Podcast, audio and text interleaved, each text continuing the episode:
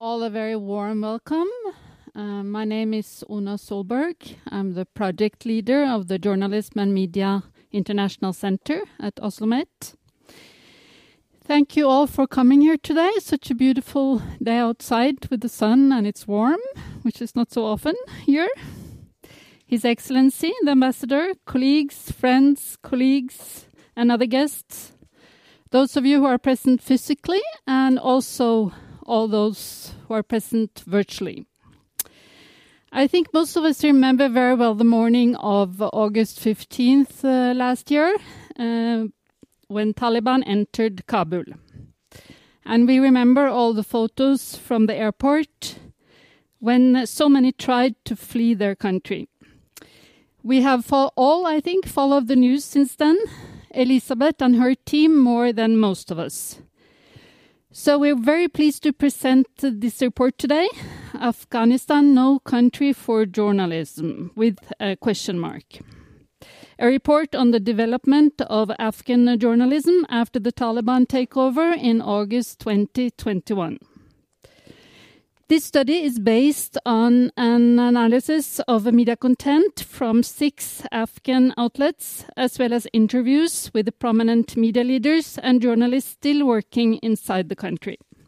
As far as we know, it's the most comprehensive report on this issue so far. Part of the team is also postdoc fellow at Oslo Met, Mahmoud Faryami, and Mujib Khalvatgar, director of NICE supporting open media in Afghanistan, SOMA, a media watchdog from uh, in Afghanistan and also running from exile at the moment. They could not be present here today, uh, but we thank them very much for their contribution to the report. We also want to thank uh, Afshin Ismaeli, who is here today, for his photographs in the report. And of course, we want to talk the Fritt Foundation in Norway for the very generous financial support. This event uh, will be live streamed. As you can see, there are cameras here. Uh, it will also be recorded, so it can be watched afterwards. Uh, for those who cannot attend physically, and I hope that is okay for everybody here in the room. I will first give the word to His Excellency Yusuf Ghafurzai, uh, Afghanistan's ambassador to Norway. Please.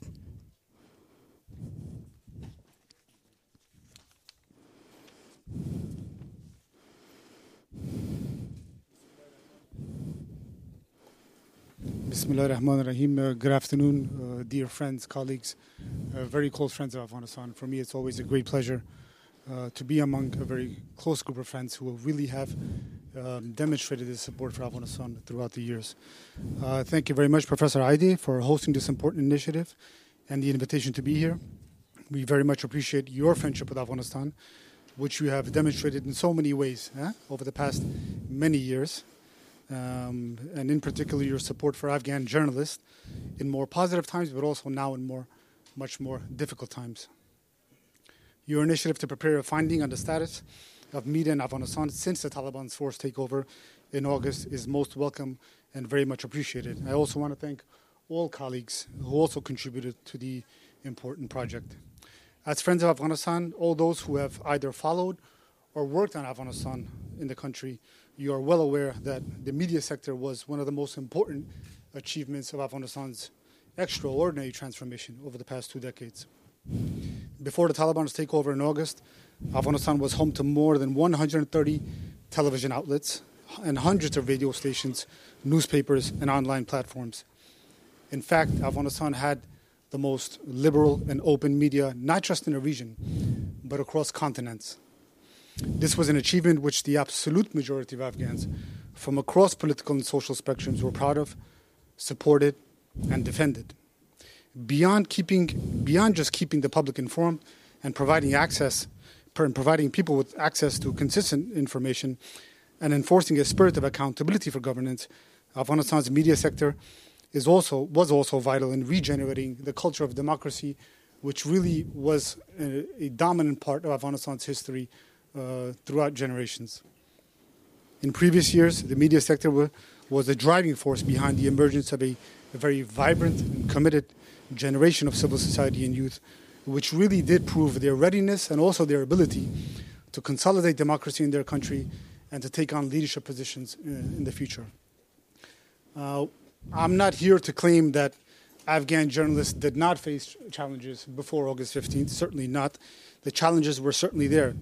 But overall, uh, I think it's fair to say that uh, journalists were able to operate and report with a great degree of confidence and integrity. Unfortunately, the media landscape uh, now is in a much different situation, as is the case with most sectors and institutions in the country. More than 230 media outlets have shut down. This represents approximately 40% of all media platforms. 40%. Close to 7,000 journalists have lost their jobs. And while the ramifications of this regression are wide ranging, Afghan women, unfortunately, have been most affected. They have also borne the economic brunt of this regression by being instructed or coerced to leave their positions. The tragic images, as you mentioned, are still fresh uh, in the minds, the images of what transpired on the 15th of August. Hundreds of journalists, many of them from the very dynamic new generation of Afghans, were among the hundreds of thousands who made a very difficult decision to leave their country due to insecurity, uncertainty, hopelessness, and fear for their lives and those of their families. Since then, there have been many accounts of journalists being detained for simply exercising their fundamental right of reporting on events in the country. Journalists covering women's demonstrations have been a particular focus for the Taliban. Several journalists apprehended remain in custody, and we call for their immediate release. In the past weeks, there have been many reports of media stations in several provinces being turned into madrasas or religious schools preaching something that is not in accordance with the true tenets and values of our great religion, Islam. A population of more than 40 million is now facing a very dire situation and enormous uncertainty. Suppression of fundamental rights, including grave human rights violations, physical and psychological insecurity, and a lack of legitimate governance have been converged into a human tragedy that has rarely been seen in the history of our proud nation. The real impact of media sector being weakened speaks to a larger point, which is often missed or underestimated. And this has to do with the fact that large part of the current instability and the lack of progress in resolving the current situation has to do with the fact that the concerns, the wishes, the aspirations of the people are intentionally being neglected by the Taliban for misperceived political gain. This includes the people's demands of their, for their human rights, their social economic well being, and their desire for a political settlement to what primarily still remains a political crisis and conflict in the country. Now, as everybody is aware, in January, a delegation of Afghan civil society highlighted these very issues in discussions with the Taliban here in Oslo. But unfortunately, the Taliban have failed to respond positively to any of the core demands that were mentioned by the delegation of civil society and also international partners present in those discussions. History has shown that stability is only possible when people are convinced that their concerns and views are heard, are acknowledged, and taken into account, and when they are also ensured that their position has an impact on shaping policies that will eventually serve the interest of the country. In Afghanistan, the media was one of the most important outlets reflecting the concerns and demands of the people. Measures to suppress the media equates to the denial of the people's wishes and aspirations, and this has resulted in a growing sense of frustration, anxiety, and tension among all Afghans in different parts of the country. In light of the current situation, it has never been more important to respect the views and concerns of the people. Permitting the media to operate freely is an important part of the broader objective of respecting the rights and the will of the Afghans concerning all issues which are important to them and which are also vital for resolve, resolving the current crisis in order to achieve a truly peaceful and a truly democratic Afghanistan. And let's also not forget Afghanistan is a very young nation. Close to 70% of the population is below the age of 40. And 50% of the population still lives in the main cities. The people remain committed to see their country back on a path of stability, and this commitment continues to grow stronger and stronger each and every day. And history has also shown that Afghans have always been defiant in the face of the most difficult challenges. They overcame then, and they will overcome again. But they need support. the international community still has the leverage to influence a pathway forward in which the Taliban are responsive to the demands of the people.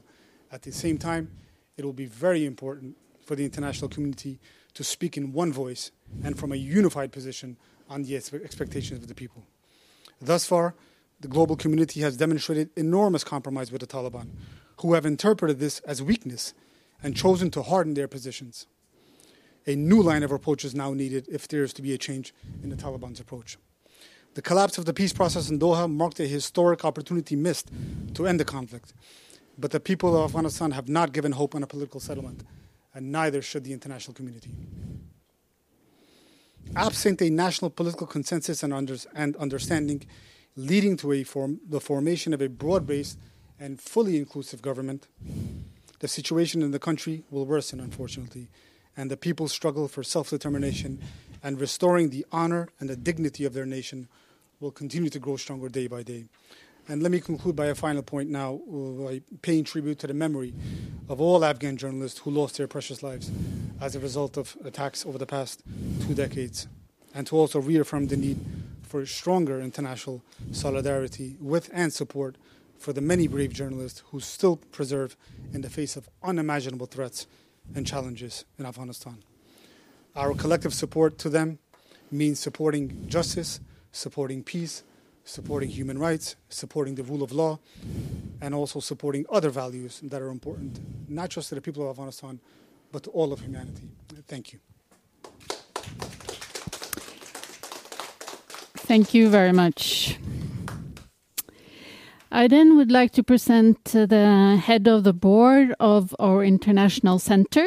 Uh, he's also dean at the Faculty of Social Sciences uh, at OsloMet, Oddgeir Osland.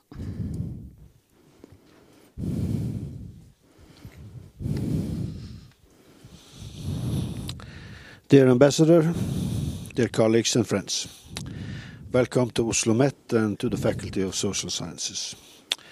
From the Taliban takeover in Afghanistan last year, not only Afghans in the country and abroad, but many others around the world have had their eyes on the new regime, its actions and the consequences of these actions for the people of Afghanistan especially for women and for the youth, the generations that will shape the country and the regions, region in the decades to come. And the eyes, instruments, and sensibilities that provide us with the capacity to understand the new regime and the development in Afghanistan see through journalism, here defined in its widest sense. In fact, it is difficult to imagine a topic of higher importance than the question that frames the event we are hosting Afghanistan, no country for journalism? Question mark.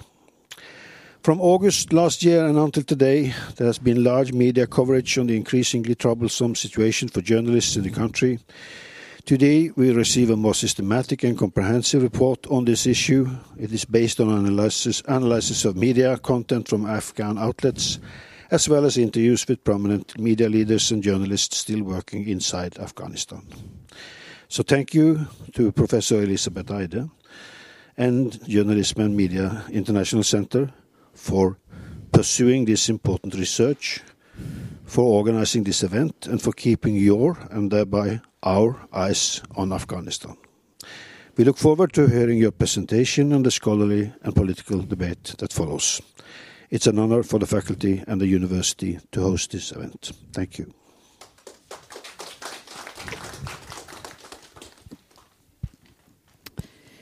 Thank you very much. Uh, then uh, I would like to introduce the sponsor of this report, uh, Knut Olav Åmås, Director, the Fritt Ord Foundation.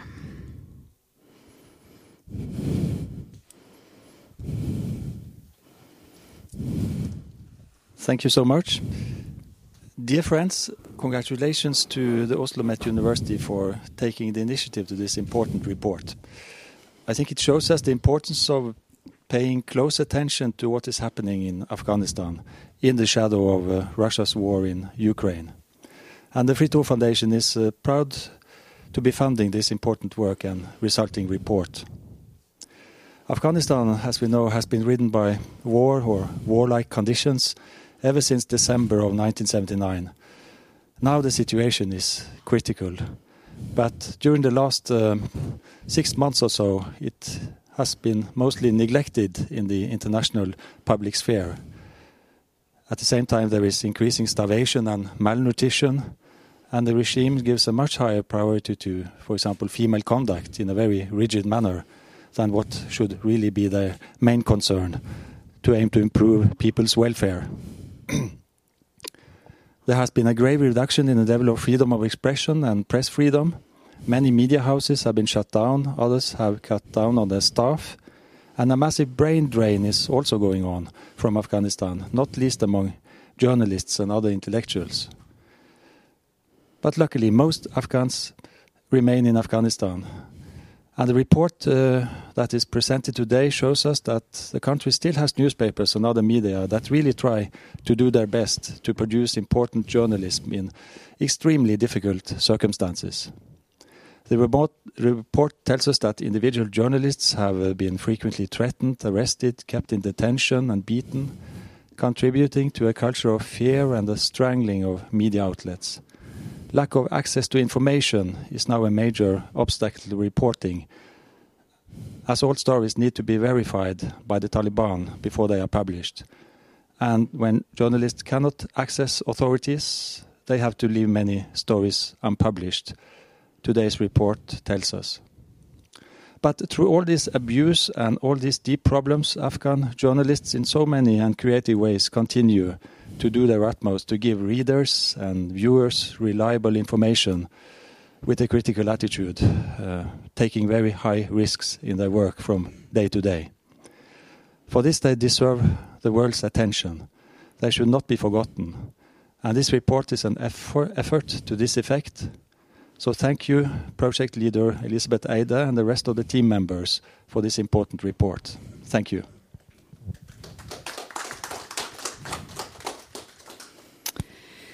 Uh, then we will present the report uh, by the team. I think you all know Elisabeth, Professor Emerita, project leader uh, uh here at Oslo Met Elisabeth Eide. Hasina Shirzad is a researcher and master's student here at Oslomet. And Zahir uh, Athari uh, is a researcher at the University of Oslo. Please. Is this mic working now? No. Have you turned it on?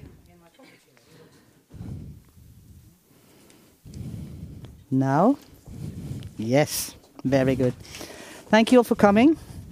And uh, we've had various titles to this uh, report, uh, but the content is described in the subtitle, we can say. So, our initial research questions to this report was then how is the situation for new journalism, news media, and press freedom developed after mid August? It's actually the 15th of August. And then the sub questions were particularly concentrated on uh, what we call sensitive areas, which we knew were sensitive to Taliban, but also sensitive to the people, which is about women's rights, it's about minority rights, right to education, and also to measure the level of autonomy when it comes to uh, journalism and media. So uh, we ventured out with this uh, vanting point. Uh, this is to say that journalism in Afghanistan was never easy. Well, um, uh, just when I was, I think, three years old, Taliban last time took Afghanistan, and from that time till now, about 76 of journalists has been killed, journalists and media workers, out of which 52 were only journalists. So it means Afghanistan has been for many years among the countries which was struggling with freedom of speech and journalism. But during uh, the period of 20 years, it blossomed, and it was an important part of the uh, new generation and new Afghanistan. But uh, the collapse uh, changed a lot for journalism in Afghanistan.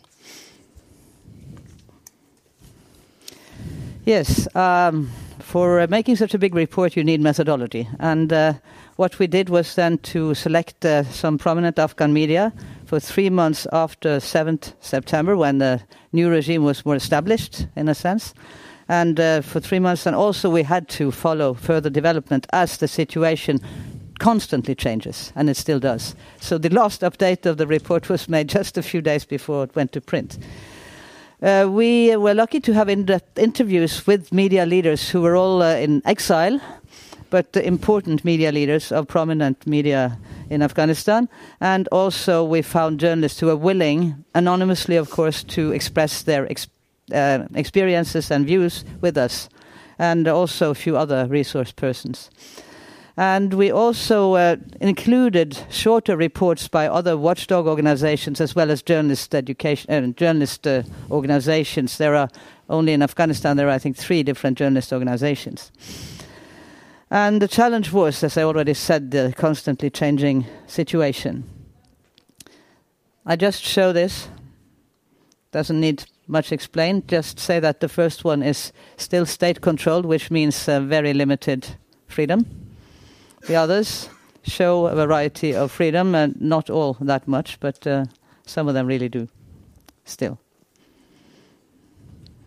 And then some huge changes have taken place, as we found. Uh, as it was, has been told here, uh, journalism was one of the greatest hard fought uh, achievements in Afghanistan during the last 20 years. And the fall of Afghanistan have been um, actually the fall of a generation demonstrating their quality, their strength, their hope and dream in the field of uh, freedom of expression and journalism. Um, so, from being a strong, open, and critical journalism, the, that field has fallen down to now what we have still trying to survive and still trying to hold up people informed. But the most, like around 50% of media outlets are closed, and thousands of journalism left Afghanistan, and those who are still there trying to survive. So, a little bit about how Taliban has uh, handled the media. Um, first, uh, many reports that we have monitored uh, complain about the lack of access to information. And uh, this actually kills stories because if you can't have access to a Taliban commentator to sort of verify or to uh, uh establish the fact, you should not publish that, you would be punished. So that means a lot of stories are shelved in that way.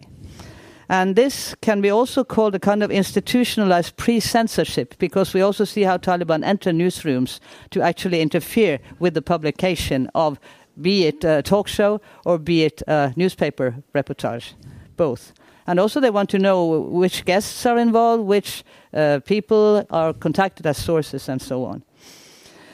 So, this again, of course, leads to a certain degree of self censorship, both collective and individual and what we can call the sort of invisible red lines. Uh, and of course, that means less professional journalism than before. Arrests, threats, and harassment of media workers also contribute to this culture of fear and self censorship. And uh, we then also talk about what we can call potential or um, almost no go areas, such as uh, uh, reporting on the ISIS, because that reflects bad on the Taliban when ISIS can still do their uh, brutal killings around the country, because then uh, it seems that Taliban doesn't, after all, have control. It's also the armed resistance, which uh, is perhaps not that prominent, but uh, still it is. They do make an impact in some provinces, particularly in the north. Women protests is also a dangerous area to cover, as well as ethnic and religious minorities. And of course, any open critique of Taliban. But we still find examples and exceptions to this. And here you see an example of solidarity. After the women were told to cover their faces on TV, then so the men marked their solidarity with the women. This is from Tolo TV. So, what kind of news stories? We actually developed a kind of a category system for uh, uh, analyzing the media content. And the first level is then protocol journalism, which is easy to make. And it's if you don't want to be punished, you don't want to be threatened, you don't want threats to your family, then the way to go about it is to adhere to the rulers, quote them, go to their press conference, don't ask critical questions, etc. Then you're on the safe side. And we see the RTA, Radio Television Afghanistan, particularly adhere to this, but also Ariana to a certain extent. And then we have what we call critical but somehow subtle news. Uh, for example, when, uh, when you read unidentified gunmen in many reports, uh, we can think for ourselves who was behind this assassination, for example. We also see many reports, particularly in the beginning, about passport problems, uh, people queuing up to have passports. And of course, when you read between the lines, that means people want out. And that also doesn't uh, reflect very favorably on Taliban. And then we have more open critical news, processed reporting, reporting about the lack of access to education for girls and women, and minority oppression. And we still find this to a certain extent. And uh, I must say, I admire the journalists who still do this job because they are at peril. Well, when it comes to talk show, it still exists, uh, but somehow the talk show I followed used to be a critical talk show, Farakhabar, before, but it changed its form to more of informative talk show. Uh, the the presenter used to be male and female, and it was uh, after the fall only male. Also, the guests were from beginning a bit critical, but afterwards they changed to more of the and the people who were supporter of Taliban were invited, and somehow the questions were uh, the ball was thrown to the guest, and they would ask the critical questions. But in some uh, cases, the sources such as Jalal and uh, Mr. Baqir, they were also threatened and detained because of the critiques they had in the talk shows. So afterwards, even those guests were not invited; they didn't have sources. And then to the women's question. Yes. Uh, when it comes to covering the women issue, as Elisabeth said, it was a red line area which started from beginning. Uh, a bit um, at the beginning, they were covering more, and towards the end, it declined. And at the end, I would say more of the social media was covering the protest than the talk shows or the um, the social media that the, the media we covered. But the hybrid media and the media which is in exile were still covering uh, the women protest. But, but uh, also for women journalists, it's a greater risk because um, first there's restrictions. Also, they are said they have to be followed by a male mahram while they go on work, but also pressure from the family, which doesn't want their women to be risking their security for the for the job they are having. So it's culture also a problem there. Also, journalism education. We know at the beginning that 229 um, staff member of academic staff member of uh, this university they left, and about 60% of the students are not showing up to classes. Those who are showing up, there is lower quality of education teachers telling students that go and study from that, this chapter to that chapter. And there's less um, students actually registering for the new semester. Uh, I heard that there, the, in an institu- institution there was more than 200 each semester, and now there is only three students showing up and registering for the new semester.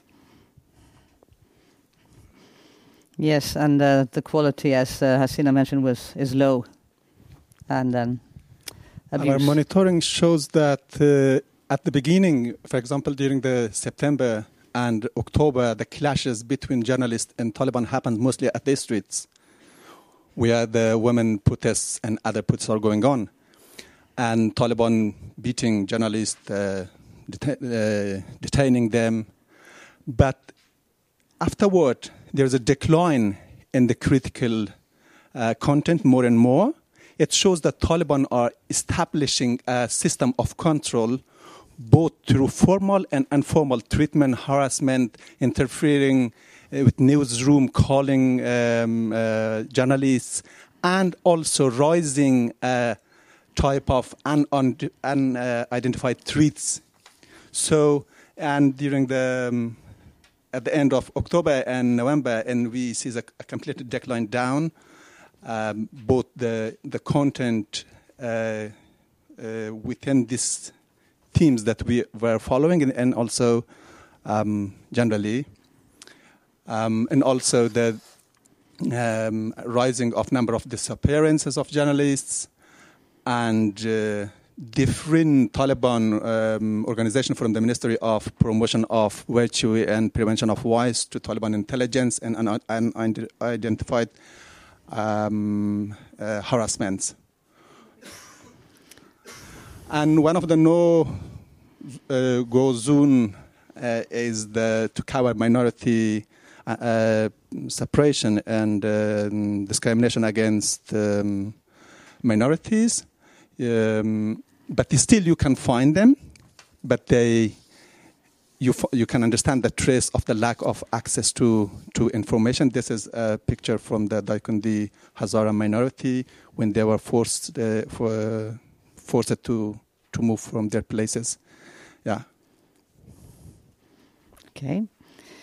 So, what future is a question we also asked, and the journalists in general were quite pessimistic. And they had their reasons. Mm-hmm.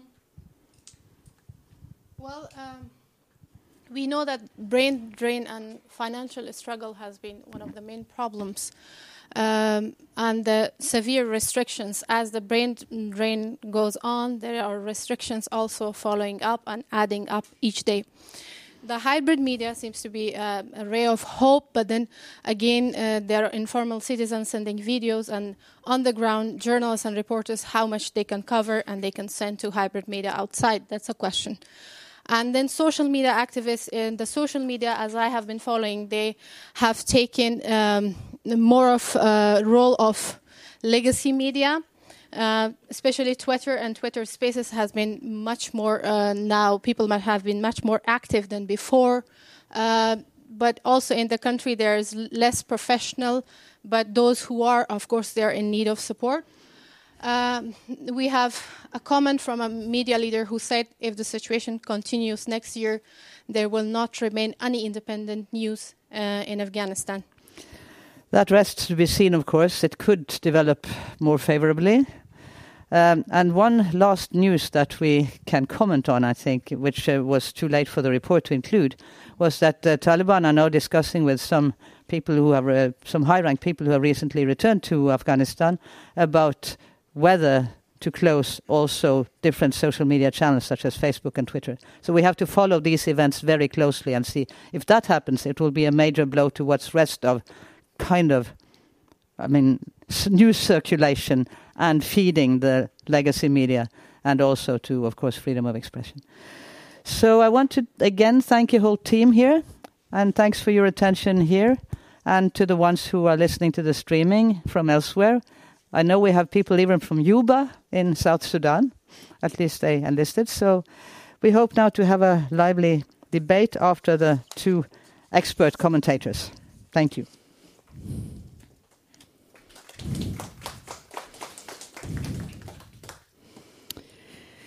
Thank you very much, all three of you. We will hear from you again later. Uh, but now we will hear the perspective from uh, Sharif Hassanyar, um, previous director of Ariana TV uh, network in Afghanistan.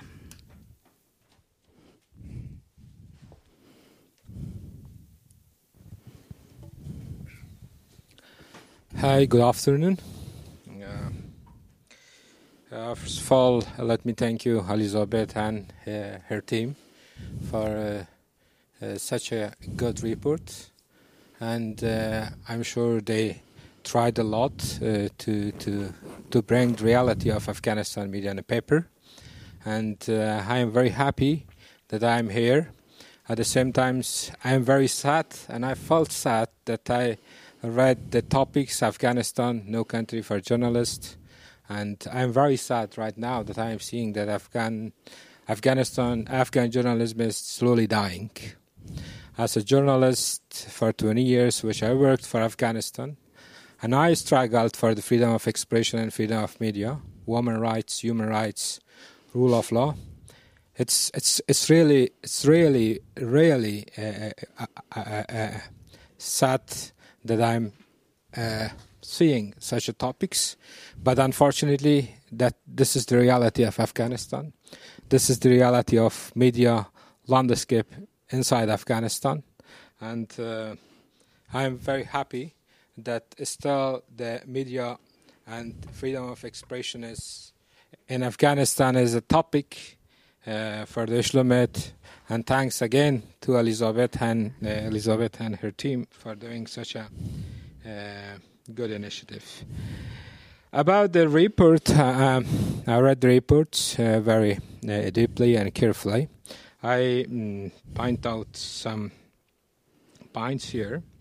Uh, uh, in terms of the re- research and uh, that that uh, Elisabeth and her team did here, it was quite nice, and they bring uh, the reality of bring out the reality of the uh, the the Afghan media and Afghan uh, journalism inside Afghanistan.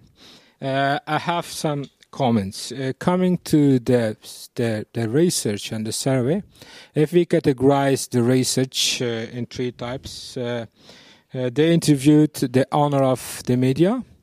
Uh, they interviewed the, the the person that who was responsible for running the media, and they interviewed the the, the journalists that who are in the ground and covering reports inside Afghanistan. Uh, coming to the owner of the media, as I work with uh, two big uh, the media outlets, one of them was Tolo TV and Tolo News, another was Ariana and Ariana News. Uh, most of the times it happened that the owner of the station and the owner of the business somehow that they are thinking about the uh, the freedom of expression and freedom of media they will think also about the their businesses as well and they're struggling for their business. I, I think that's their rights to struggle for their business. Uh, at least the businesses for the people of Afghanistan, for the public awareness of the people of Afghanistan, it's good. Coming to the uh, responsible person that who interviewed here, like me, that I was responsible for Ariana News and Ariana Television for uh, uh more than uh, 10 years. For me, it was very, very difficult to continue work under the umbrella of the Taliban uh, because for past 20 years I struggled for the freedom of expression, freedom of media, rule of law, women rights, human rights in Afghanistan. And uh, we know, we understand, and there is no doubt that the Taliban are against them in Afghanistan. When you see right now the situation in Afghanistan, there is a complete abandon about uh, the women rights. Women are not allowed to go to schools. Uh, women are uh, uh, censoring from the society. Even Taliban are not tolerating five or ten women that who are coming uh, outside the city and they're protesting uh, for their rights. They will put them in jail. They will, you know, uh, beat them. They will do with them some bad behaviors, uh, like sentence them. We have uh, lots of experience of that in Afghanistan past eight to nine months. Uh, coming to the journalism, mm, uh, uh, most of the journalists in Afghanistan that they are still in Afghanistan, honestly, they are seeking a way to exit from Afghanistan because for them it is very, very difficult to continue their jobs under the umbrella of the Taliban. As it also comes in this report, most of the time it happened that the intelligence service of the Taliban is entering to the newsroom of the Afghanistan popular media, and they are telling that please do this, please do, do that, and even they verbally they, they they they announce the list of the guests that you will not allow to broadcast uh, to to invite these guests uh, to to to your programs. And if you will broadcast, uh, uh, bring these gas in your program and you will broadcast the program, we will definitely uh, there will be there will be definitely a bad outcome to you guys. That uh, I have lots of example of that. There is an exact person in the intelligence service of the Taliban by the name of Jawad Sargar. He is calling every day to the Afghan media. Media he is monitoring. Even in some media like Tolo and Ariana, they are talking to their uh, uh, news manager every day and asking, "Hey, what's your report today? Which which stories are you covering today?" You know, and uh, this is, shows that Taliban is very systematically uh, uh, censoring the media and taking the control of the uh, free independent media. And uh, sometimes it also happened that this guy came to the newsroom. I've uh, heard many times from my previous colleagues that still they are operating inside Afghanistan. They said that that he is coming to our newsroom for, uh, and he said that why you invite that guest, and he said just uh, we has we have rights to, to invite everyone. He said no, when you invite such a guest, when he is criticizing from the Taliban and from the Emirates, that is your responsibility that you should defend from Emirates. He said no, why? That's not my responsibility that I should talk on behalf of the Emirate. He said no, you are working under umbrella of the Af- Islamic Emirate of Afghanistan whenever anyone is criticizing from the Taliban, you need to defeat and you need to not let him or her to talk against the Taliban. So in this case, we say that there is no freedom of expression in Afghanistan. There is, there will be a question that yes, uh, there are some stories that they are filing every day in the Af- Afghan media, but let's see what's the content of the content of that stories that they are filing in Afghanistan media. Have you ever read that content? Uh, most of the content which the media is uh, is publishing today is on the favor of the Taliban, and most of them are the propaganda machine for the Taliban. There are exact topics which which Taliban is completely banned on the media to cover it. Daesh activity inside Afghanistan, explosion inside Afghanistan, war inside Afghanistan. Right now, there are uh, war is underway in the three or four provinces in Afghanistan, like Panjshir, uh, Baghlan, Takhar, Badakhshan. But the Afghan media is not reporting on that because there is a huge censorship on the Afghan media that they're not allowed to cover these kind of stories. The women protest, breaking news. Breaking news is completely banned on the Afghan media outlet to not broadcast any. Whenever, when uh, during the Republic, I remember when uh, whenever something was going, uh, something was happened like attack, like an explosion, we had live live coverage. Uh, most of the Afghan. Uh, Afghan popular media uh, cover them live, but now they don't have rights to even break that story. Uh, about the journalists, yeah, they are they are working under lots of pressure every day. When I wake up from sleep, I'm receiving one or two, three messages from my previous colleagues that uh, most of them are right now in Pakistan, Iran, and uh, some of them are still in Afghanistan. They're seeking a way to exit from Afghanistan. Why? Because of the pressure, because of the threats which they are receiving normally every day from the Taliban intelligence service. You know, they are planning to exit from Afghanistan, and every day I'm receiving the message for the help. Uh, uh, lack of the experience also a key issue which somehow is is is, uh, is out in this report. Why lack of the experience? More talented and experienced journalist who worked for more than 10, 15 years in Afghanistan who left Afghanistan. The new generation, which now they are, uh, they are, they are running the media outlets in Afghanistan, you know, they are uh, they don't have much experience. Uh, most of them, which I'm talking with them, they see the freedom of expression just they file a story. They are not thinking that what is the, for example, outcome of this story who is going to use them as a tools because they don't have much experience. They are not, for example, judgment with themselves that what is the benefit of these reports for the people of Afghanistan. You know, today if we if you see the the programs of the Afghanistan media yes there are more than 200 Afghan media outlets still operating uh, in Afghanistan but most of them are facing with, uh, with the financial uh, issue.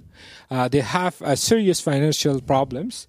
And if the situation is continuing like this I'm sure that will be shut down in months and years. And uh, most of most of the as the time is limited i'm not uh, i'm making my, my, my comments very short. Yeah before before that the the the collapse there were more than uh, 2000 uh, female journalists that who are working for the afghan media. Now if you see the afghan media there is a recent report that comes that something like more than 300 uh, women journalists are working uh, in afghanistan media. In 15 provinces in afghanistan there is no woman journalist, and uh, they are completely uh, uh, uh, run out of women journalists in those media. Uh, so, what should we do? The good point is that that uh, still, as a number, we can count on the Afghanistan media. Yes, there are uh, two, 200 media, more than that, are active in Afghanistan. If we should support them, if we should keep them to be alive, uh, I'm sure the situation will be changed one day. I'm sure that the Taliban will not stay forever. They will definitely uh, uh, go away one day. If if it will be in a uh, military way, if it will be in a political way, I'm sure that they will not be uh, in power forever. But we need to support the Afghan media. We need to support the uh, uh, Afghan journalists that who are in exile, especially those journalists that who are in Pakistan and Iran.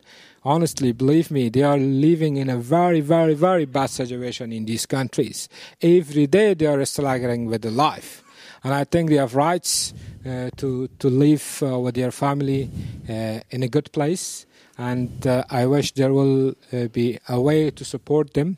There will be a way to help them to live for a better future. Thank you very much.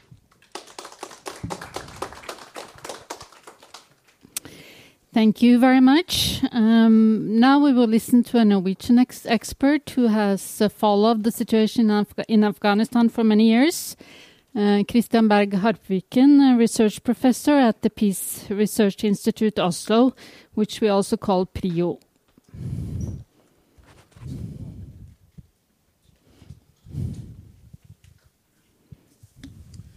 Thank you, and thank you for the uh invitation, not the least for the occasion, to familiarize myself with uh, with this report. I think I'll start simply with congratulating the team. Uh, this is really an important uh, piece of work. I think in the situation where we are now, this uh, will easily become a uh, reference. And uh, not only a reference for the situation when it comes to journalism in Afghanistan, I actually think it even points beyond that because asking the question about the state for the freedom of expression, for the ability of journalists to conduct their tasks, also, I believe, uh, takes the temperature on the relationship between state and society in Afghanistan under the Taliban. It's grim reading, of course. It's a grim picture, and the uh, title very much uh, reflects the grimness of uh, where we are. When I congratulate the team on the report, it's also because it is a methodologically solid report. And that's why I say this will easily become a uh, key reference in the situation that we currently find ourselves. Not only is it methodologically solid, it's also very sober about what it is that it can't say. Uh, and that is always, to me, an indicator to uh, indicator of methodological solidity. Now, we've already heard a lot about what it is that the report says, both from uh, the three team members who presented the report and from uh, Sharif Hassanyar. So I won't repeat that. I think you all realize uh, why it is that I say it's a grim picture. We've heard a lot about that. I'll simply raise a few questions that I think may point beyond uh, the report, and perhaps some of these can also be uh, inspiring new avenues of uh, of uh, research, or for that matter, activism for the um, importance of um, journalism. One thing that surprised me as I prepared for this seminar um, was the virtual invisibility of the media in the UN Security Council resolution on Afghanistan. I went back to resolution 2626 from the 17th of March this year. Uh, there was a lot of uh, diplomatic effort that went into that. Uh, Norway was a penholder in this this year, a penholder alone. Last year, we teamed up with Estonia, but Estonia has since left the Security Council, so it's no Norway. And when the resolution was adopted, and we knew that there were uh, tensions to the very, very last minute, uh, also, of course, impacted by the by the war in uh, Ukraine and the fact that uh, Russia, but also China, has uh, veto powers on the Security Council. I was very positively surprised by the extent to which the Security Council resolution emphasized the importance of human rights and emphasized the uh, um, emphasized the importance of monitoring human rights. And I'm saying positively surprised because I also believe that that wouldn't have been there if it hadn't been for the fact that there was a certain degree of acceptance on the part of the Taliban that they would be better served with the UN having a mandate on human rights monitoring than not having it. But in this particular context, what I found most conspicuous, and which I didn't note when I first read the resolution, was the fact that there is hardly any mention of the media, of journalism, or of the importance of independent monitoring in the context of following up on the situation of human rights, on issues that has to do with governance, on political participation, on abuse of power of all possible sorts. And that I'm mentioning because I think that may be one place to actually focus some of the energy also of the academic environment in which we are discussing this. Now, the report rightly says that one of the major achievements, and His Excellency the Ambassador also mentioned this, one of the really major achievements over the past 20 years has been the development of a uh, vibrant media landscape in Afghanistan. And that is certainly true. Uh, again, I think the report is also very sober in asking a few questions about the limitations. Because whereas that is true, that doesn't mean that there may not be critical questions to ask ask ask now in uh, hindsight and one of the key questions that you ask is the question about resilience. And that's a difficult one because of course uh, none of us had hoped that we would be in the political situation that we currently find ourselves. So how do you prepare for that which you absolutely do not want to happen? And i guess for many do not even expect to happen but it's quite clear from what the report lays out that the media that we have created, uh, the environments we have created, the institutions we have created, even the institutions of education, are not resilient in the encounter with uh, the current situation. Another issue that preoccupies me to some extent and which isn't much discussed in the report is uh, politicization. Now, when we talk about media, we talk about media as if media is a sphere entirely separate from politics. I do not believe that is the case in the country where we find ourselves now, and I do not believe it's the case in Afghanistan, and I do not believe it has been the case in Afghanistan over the past 20 years. And it's a difficult, it's a sensitive topic to touch, but it is reality. And then, I'm at, while I'm at it, the vibrant media scene, of course, what we see at the moment after 20 years of massive international media attention, uh, in a sense culminating with the uh, fantastic circus that we had when the whole world's attention was zooming in on Kabul International Airport for a few weeks in August last year, and then sort of the the air went out of the balloon, as we'd say in Norway. It sort of fizzled out. Nonetheless, some of the most solid reporting from Afghanistan as we speak may still be by international journalists. That doesn't mean that international journalists are infallible.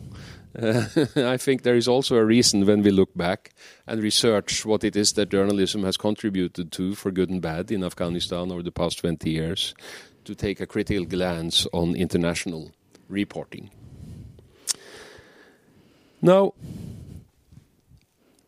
let me move to the social media question. Very, very interesting. And here again, I learned a lot that I didn't know, and I even learned something that I didn't know after having read the report, as Elisabeth just told us, that there are potentially discussions in Kabul now about the future of social media in the country. Of course, that is very, very worrying. Uh, in fact, what the report illustrates is that some of the conventional media that existed, built up over the past 20 years, have even shifted on to social media platforms and use that as their mode of uh, publications. Whereas, of course, there are other modes of dissemination on social media that are equally important. Um, and that, I think, again, is a topic that deserves much more attention. And that brings me to my next to my next point, which is about hybrid models. And the report does discuss hybrid models to some extent, and I think we're we're already seeing hybrid models in practice. And I have to admit, journalism has not been my main focus when thinking about Afghanistan over the past eight months. But I've been thinking quite a bit about this in the context of civil society activism. And I find it very, very tricky because we're now in a situation where a lot of Afghanistan's intellectual and political capacity is in exile.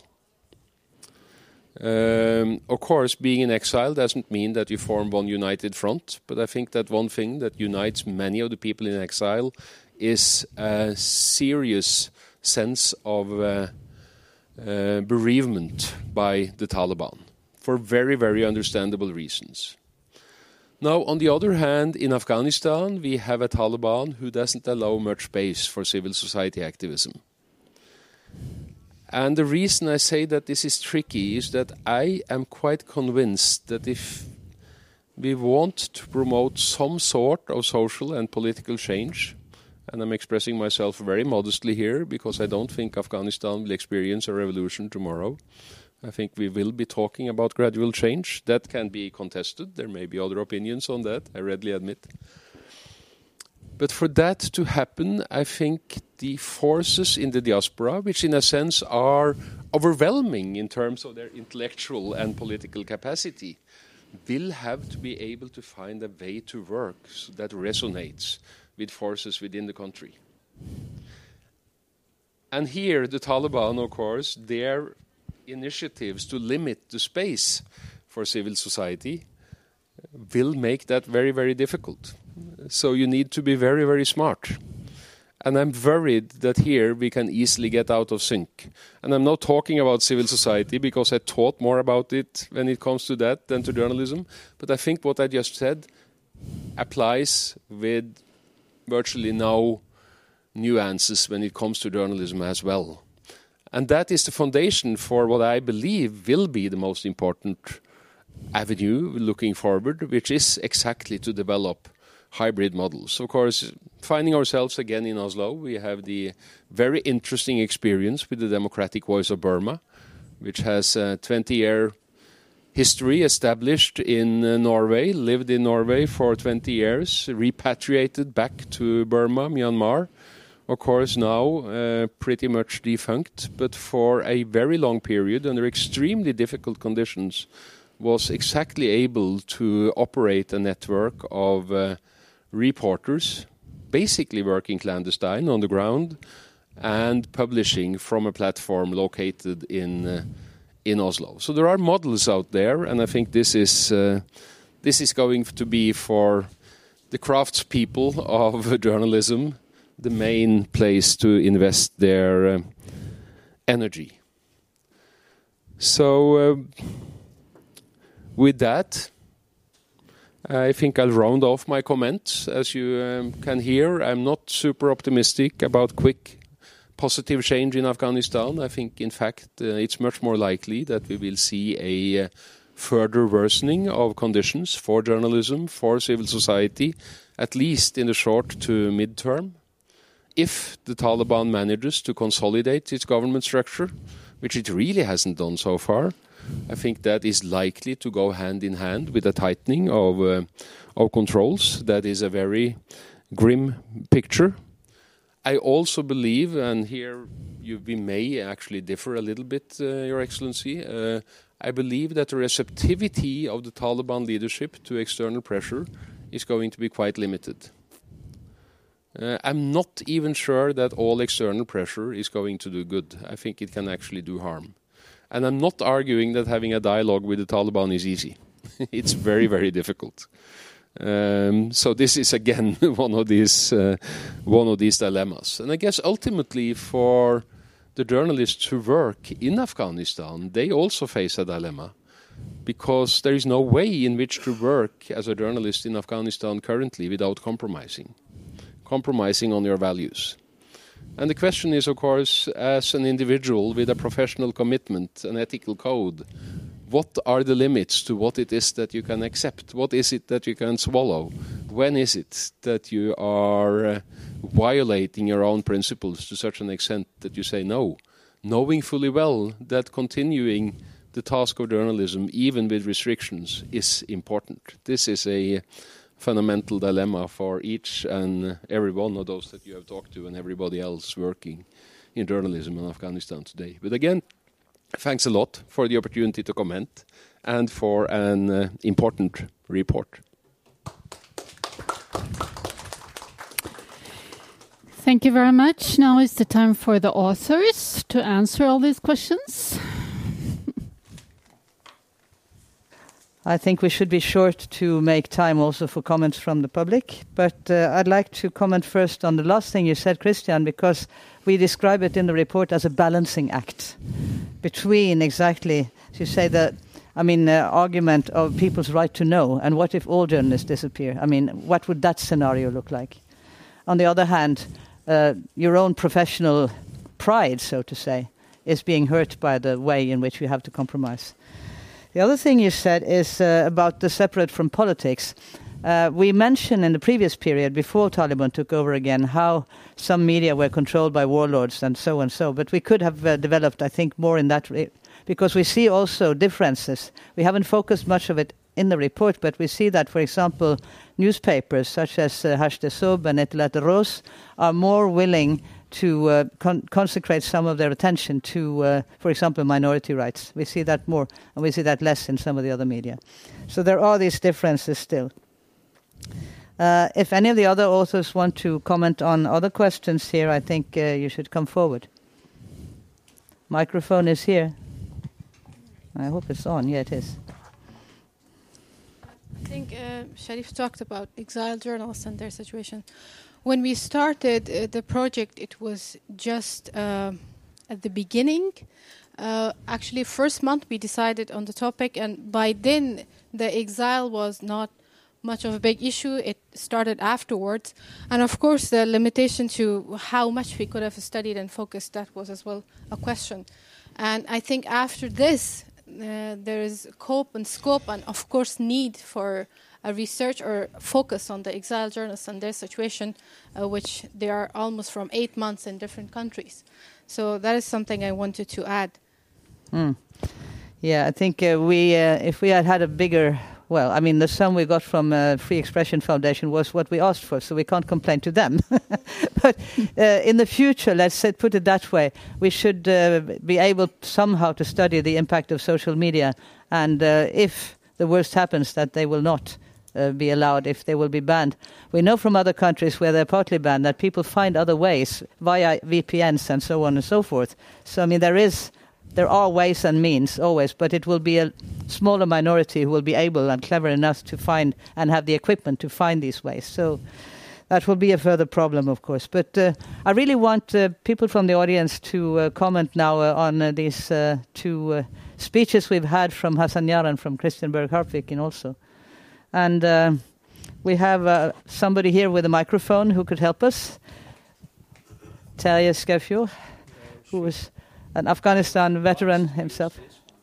oh, then take the other one so we can keep one here. So, who wants to say something? Who wants to comment? Yeah, please. His Excellency Ambassador already want. You give him the mic. So.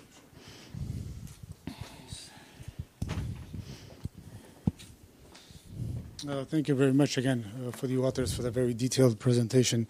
Just uh, two comments on what Professor Harpviken meant uh, referred to. First, in terms of whether or not the Taliban uh, will be receptive or have have or have not been receptive to international messaging thus far. I think it's fair to say that since uh, since August, the contact and engagement with the Taliban was based on a set of assumptions and that initial assumption was that perhaps we're dealing with a Taliban 2.0.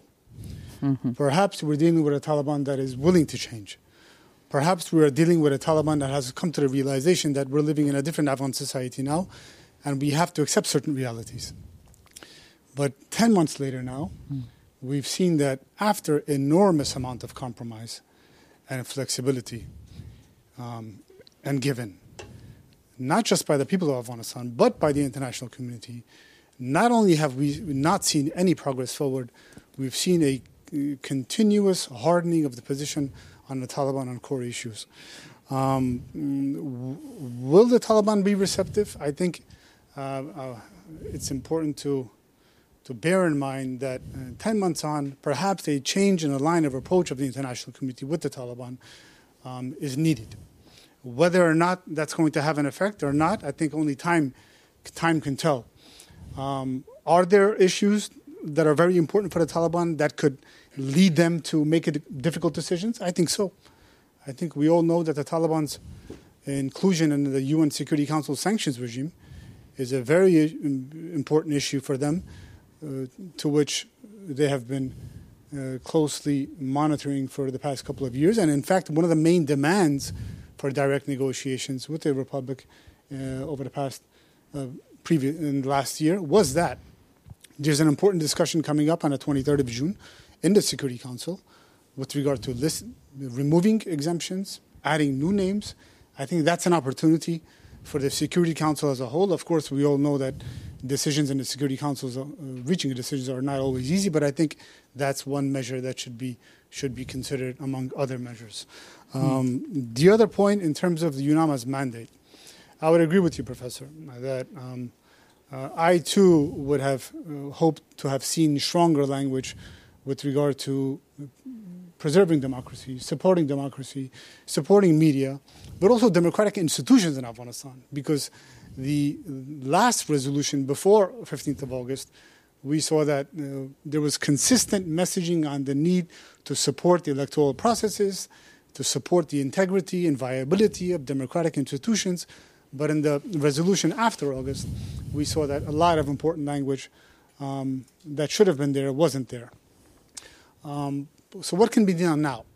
I think one thing that, that gives us some optimism is that the current UNAMA mandate has strong language on the need for advancing political dialogue with political stakeholders in order for, to reach inclusive governance.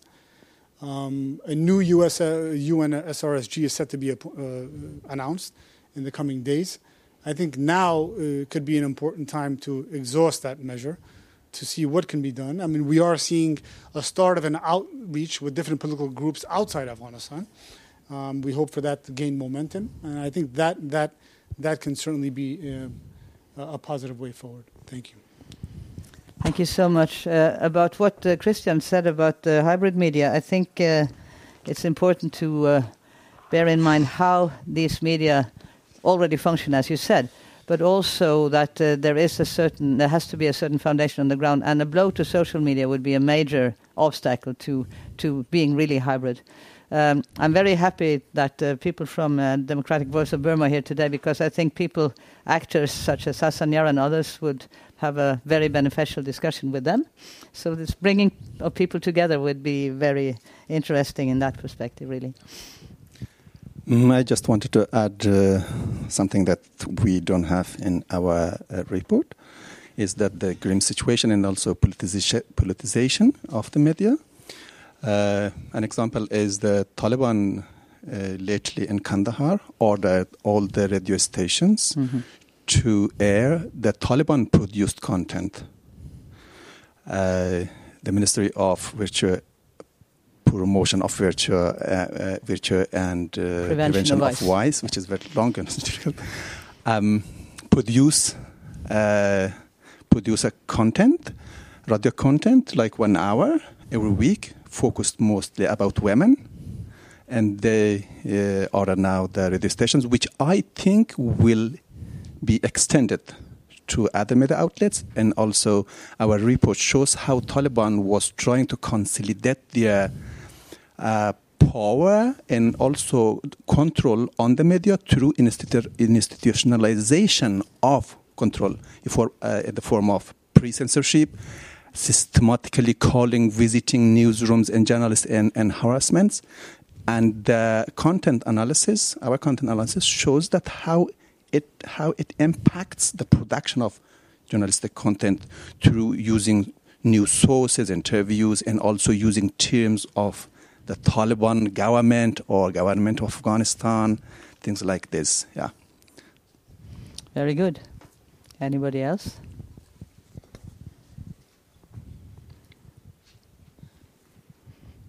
No questions, no comments from anybody? Well, uh, then I think we have a. Oh, there is one. Oh, great. Ershin Shulgin from uh, PEN. Thank you. Just one question. Uh, when it comes to activities from different uh, journalistic uh, groups outside Afghanistan, um, have you any any know knowledge about to which extent they are working together? Who, where are they situated, and uh, are the plans to? Because I agree that I think that um, most of the uh, the uh, the news coming today from Afghanistan, uh, f- for me at least, feels not enough. They are. Un- unsatisfying. Um, uh, that how the situation is inside the country is one, th- one thing, but how is the situation for the different groups outside the country? The plans to cooperate and things like that. Hasina, you could say a few words about that, I believe. Well, um, I think there is a lot which which doesn't go through. For example, for us, we get a lot of news from our personal sources, journalists and friends who are inside the country. There's a lot which gets filtered and it's not public, especially about violence and war, as Sharif also said. A lot of the media content comes from uh, hybrid media and exile media, such as from London or USA. But then the problem is that exile media doesn't have uh, sources on the ground. And mostly about the news which comes out, they cannot verify it. So it gets uh, kind of like it's a news from one side. Uh, inside Afghanistan, uh, a lot of journalists they cannot, um, but they are using um, informal sources such as WhatsApp groups uh, or um, following the Twitter. You would get a lot of uh, sources which are individual persons who are sharing news. But I do agree that I think uh, journalists at this point still they are they're in shock. They're not all together, and some of them has started to form new hybrid media. Um, new hybrid media in exile, such as I know somebody has done it in France and somebody is doing in USA. But I think it would need time for them to come together and then form these hybrid, really powerful and uh, uh, critical media. That that's what I hope for. But we will see. If I could add something to that, it would be that Afghanistan, with such uh, diversity and multitude of media experiences, it would be hard to expect that they would all come together in one endeavor. I don't think so. I don't believe so. Uh, just a few other things, and then uh, we'll pass to Martin. Um, there is an institutional shuffling, actually, in Afghanistan, because who spoke today about the Ministry of Information and Culture? They've been sidelined by this Vice and Virtue Ministry, actually, and the intelligence agency. So that is a major shuffling of institutions that we see. And then there's another question I wanted to address because quite a few journalists uh, from the West have been traveling in Afghanistan and they have sort of been treated moderate to well. And uh, one Guardian journalist, a female Guardian journalist, wrote that there is a huge difference between how she, as a foreigner, would be treated and the local journalists. And that's important to state because uh, for the foreigners, Taliban want to court them to, uh, to uh, achieve international recognition. So uh, that's uh, the reason. And I've, we have quoted some of the observers of this in our report also.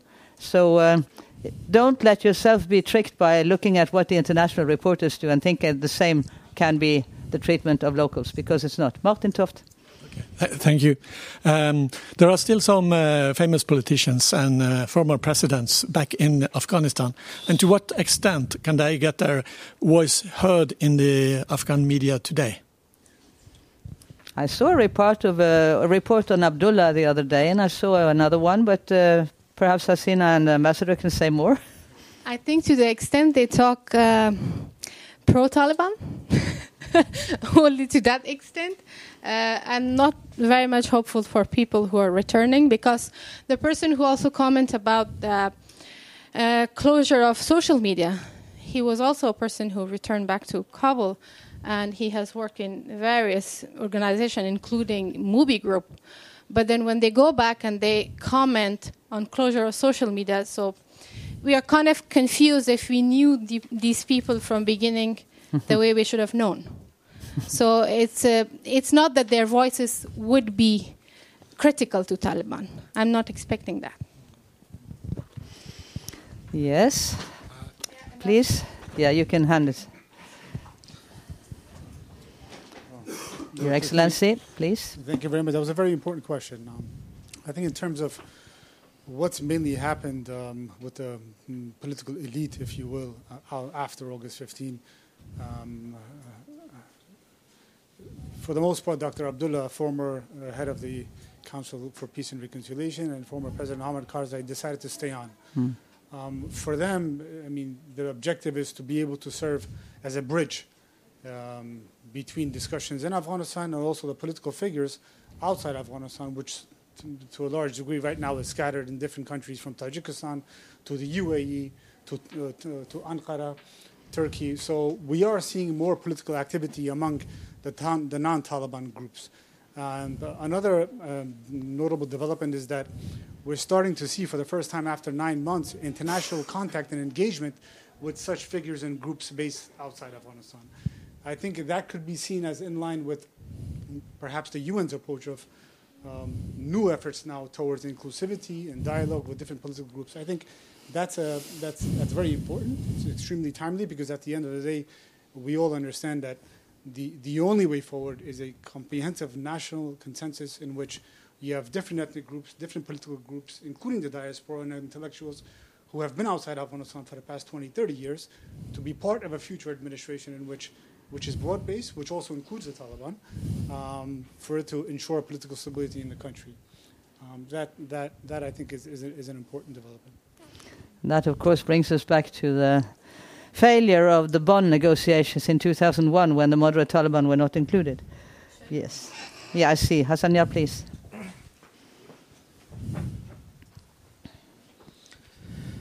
Yeah, I think about uh, those people that who are going to Kabul back, those knowledgeable and well-known and expert people that uh, they are planning to go back to Kabul. Uh, uh I think there are three or four reasons behind that. The reason number one is that that they faced with an uncertain future in the countries like uh, United Arab Emirates, Turkey, and uh, they would like to go back to Afghanistan. Second type of the people is like the previous minister of uh, Hajj, that he has uh, plagued to the corruption during the past government, and he escaped from Afghanistan to UK, and uh, there was a huge uh, number of uh, documents and allegation allegation about them in Afghanistan High Court and Attorney General. And uh, he find a chance right now and he go back to Kabul. And uh, the previous uh, minister for the um, education, Farooq Wardak, he was also a corrupt person, and uh, he had too many documents inside the uh, court and uh, Attorney General of Afghanistan, and uh, he, he found a way to go inside Afghanistan and to make him uh, white, and the the one that who requested to the Taliban that please put some limitation on Facebook. Aman Ghalib, that was a friend of mine, and uh, he has uh, too much money inside Afghanistan bank, so he need to go back there and to solve that one. And, uh, and uh, uh, uh, yeah, so uh, we we have good friends, and somehow we can say bad friends, but we are friends, you know.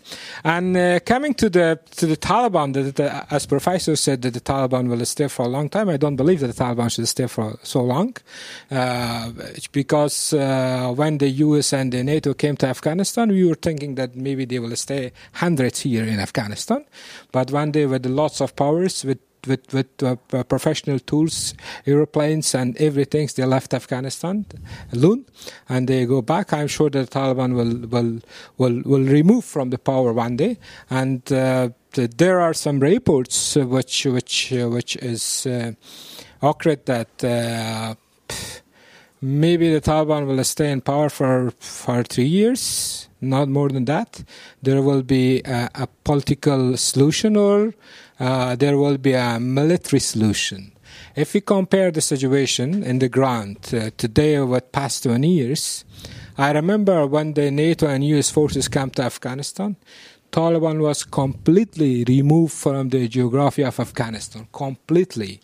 You uh, and we didn't hear anything uh, uh, like like uh, 30 months from the Taliban, and the Taliban were not existed on that time.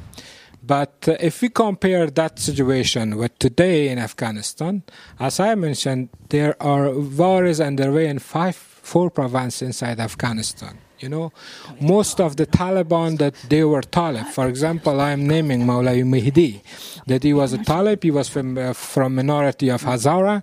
He broke out from the Taliban, and he is no more with the Taliban. And today, I hear the Taliban is sending lots of troops to uh, troops to to arrest them and to disarm their troops. So it means that the, the Taliban will not stay in power for a long time. They will definitely remove from the power one day. Thank you. Thank you so much, Hassan. And uh, yeah, one, one, one quick one about the story which which uh, not filing from Afghanistan, and uh, but that's not enough. Yes, I agree with you that the story which is filing from Afghanistan, most of them or some of them, I can say, is not accurate. For example, two days back, there were a, a huge fighting in the north uh, province of Takhar in Afghanistan. There was a sky pilot, a, a well religious uh, person. Uh, and uh, he was uh, religiously against the Taliban, and uh, he has lots of supporters in that province. And he had a program, and Taliban intelligence service trying to arrest him. And uh, then during this uh, time, they fight with the Taliban, and more than 20 people were killed from both sides. And Taliban didn't couldn't arrest him, and then. I talked personally with my reporter that uh, my previous reporter that he is in that province. I called him, that's going on. He said, look, this guy was uh, uh, talking against the Taliban in terms of Islam, and Taliban planning to arrest him. Then there is a fighting between their supporter and the Taliban. And after like 10 hours or more than that, the Taliban come up with a press release and he said that we attack on a Daesh-based place and we killed two, uh, eight ISKP or Daesh. You know, that the news is coming uh, to in another version. The news is coming to, to, to the media in favor of the Taliban, not the things and reality which is on the ground. Thank you. Thank you. You can stay up here because we're soon going to distribute some gifts. I just want to say some final comments, and uh, it's about Taliban 2.0, which also was uh, your expression here. There is one aspect where they are kind of 2.0, and that is that they have inherited the surveillance system and the digital system from the Americans with the identity cards and all that. And that has proven now very dangerous for the people who are in opposition. I, I think that shouldn't be unmentioned. And the other thing I want to say is that, of course, political leaders have a certain immunity that is not the same for ordinary rank and file journalists and uh, media people. Uh, it's also the Mahbouba Seraj, a very famous female activist who was actually in Oslo. She is related, I think, to the late King Iman Amanullah, and by that inheritance, she, she enjoys some kind of uh, immunity from being attacked. Perhaps also being an old and respectable woman. I don't know. I could try the same. anyway, I now want to thank the speakers and uh, thank you all for coming. And we do that by giving you some fantastic books made by the photojournalists at this institution who have uh, done amazing projects. Thank you, Thank you so much. These, uh, this, these three books are made from uh, by photojournalist students from Bangladesh, Nepal, and Norway. Yes, yeah, sorry. Very new, newly printed. Transnational. And then uh, who else do we have? Uh, please, uh, Mr. Ambassador. Thank you very much. For your library. Mm-hmm. And Kristian.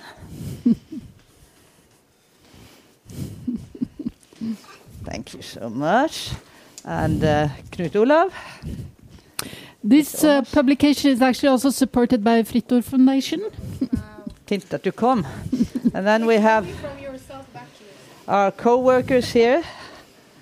So, yes, and here, and uh, who have I forgotten now?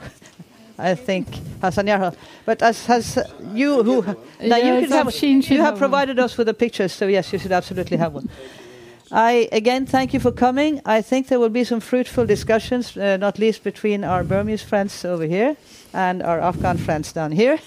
And for others who have come, uh, just spread the news of this report. And as you see, there are more copies. So if you want to bring some more copies for your colleagues, then you can grab them there. There are also some in the box there. So please. And thank you again for coming. This is the end of this program. Thank you.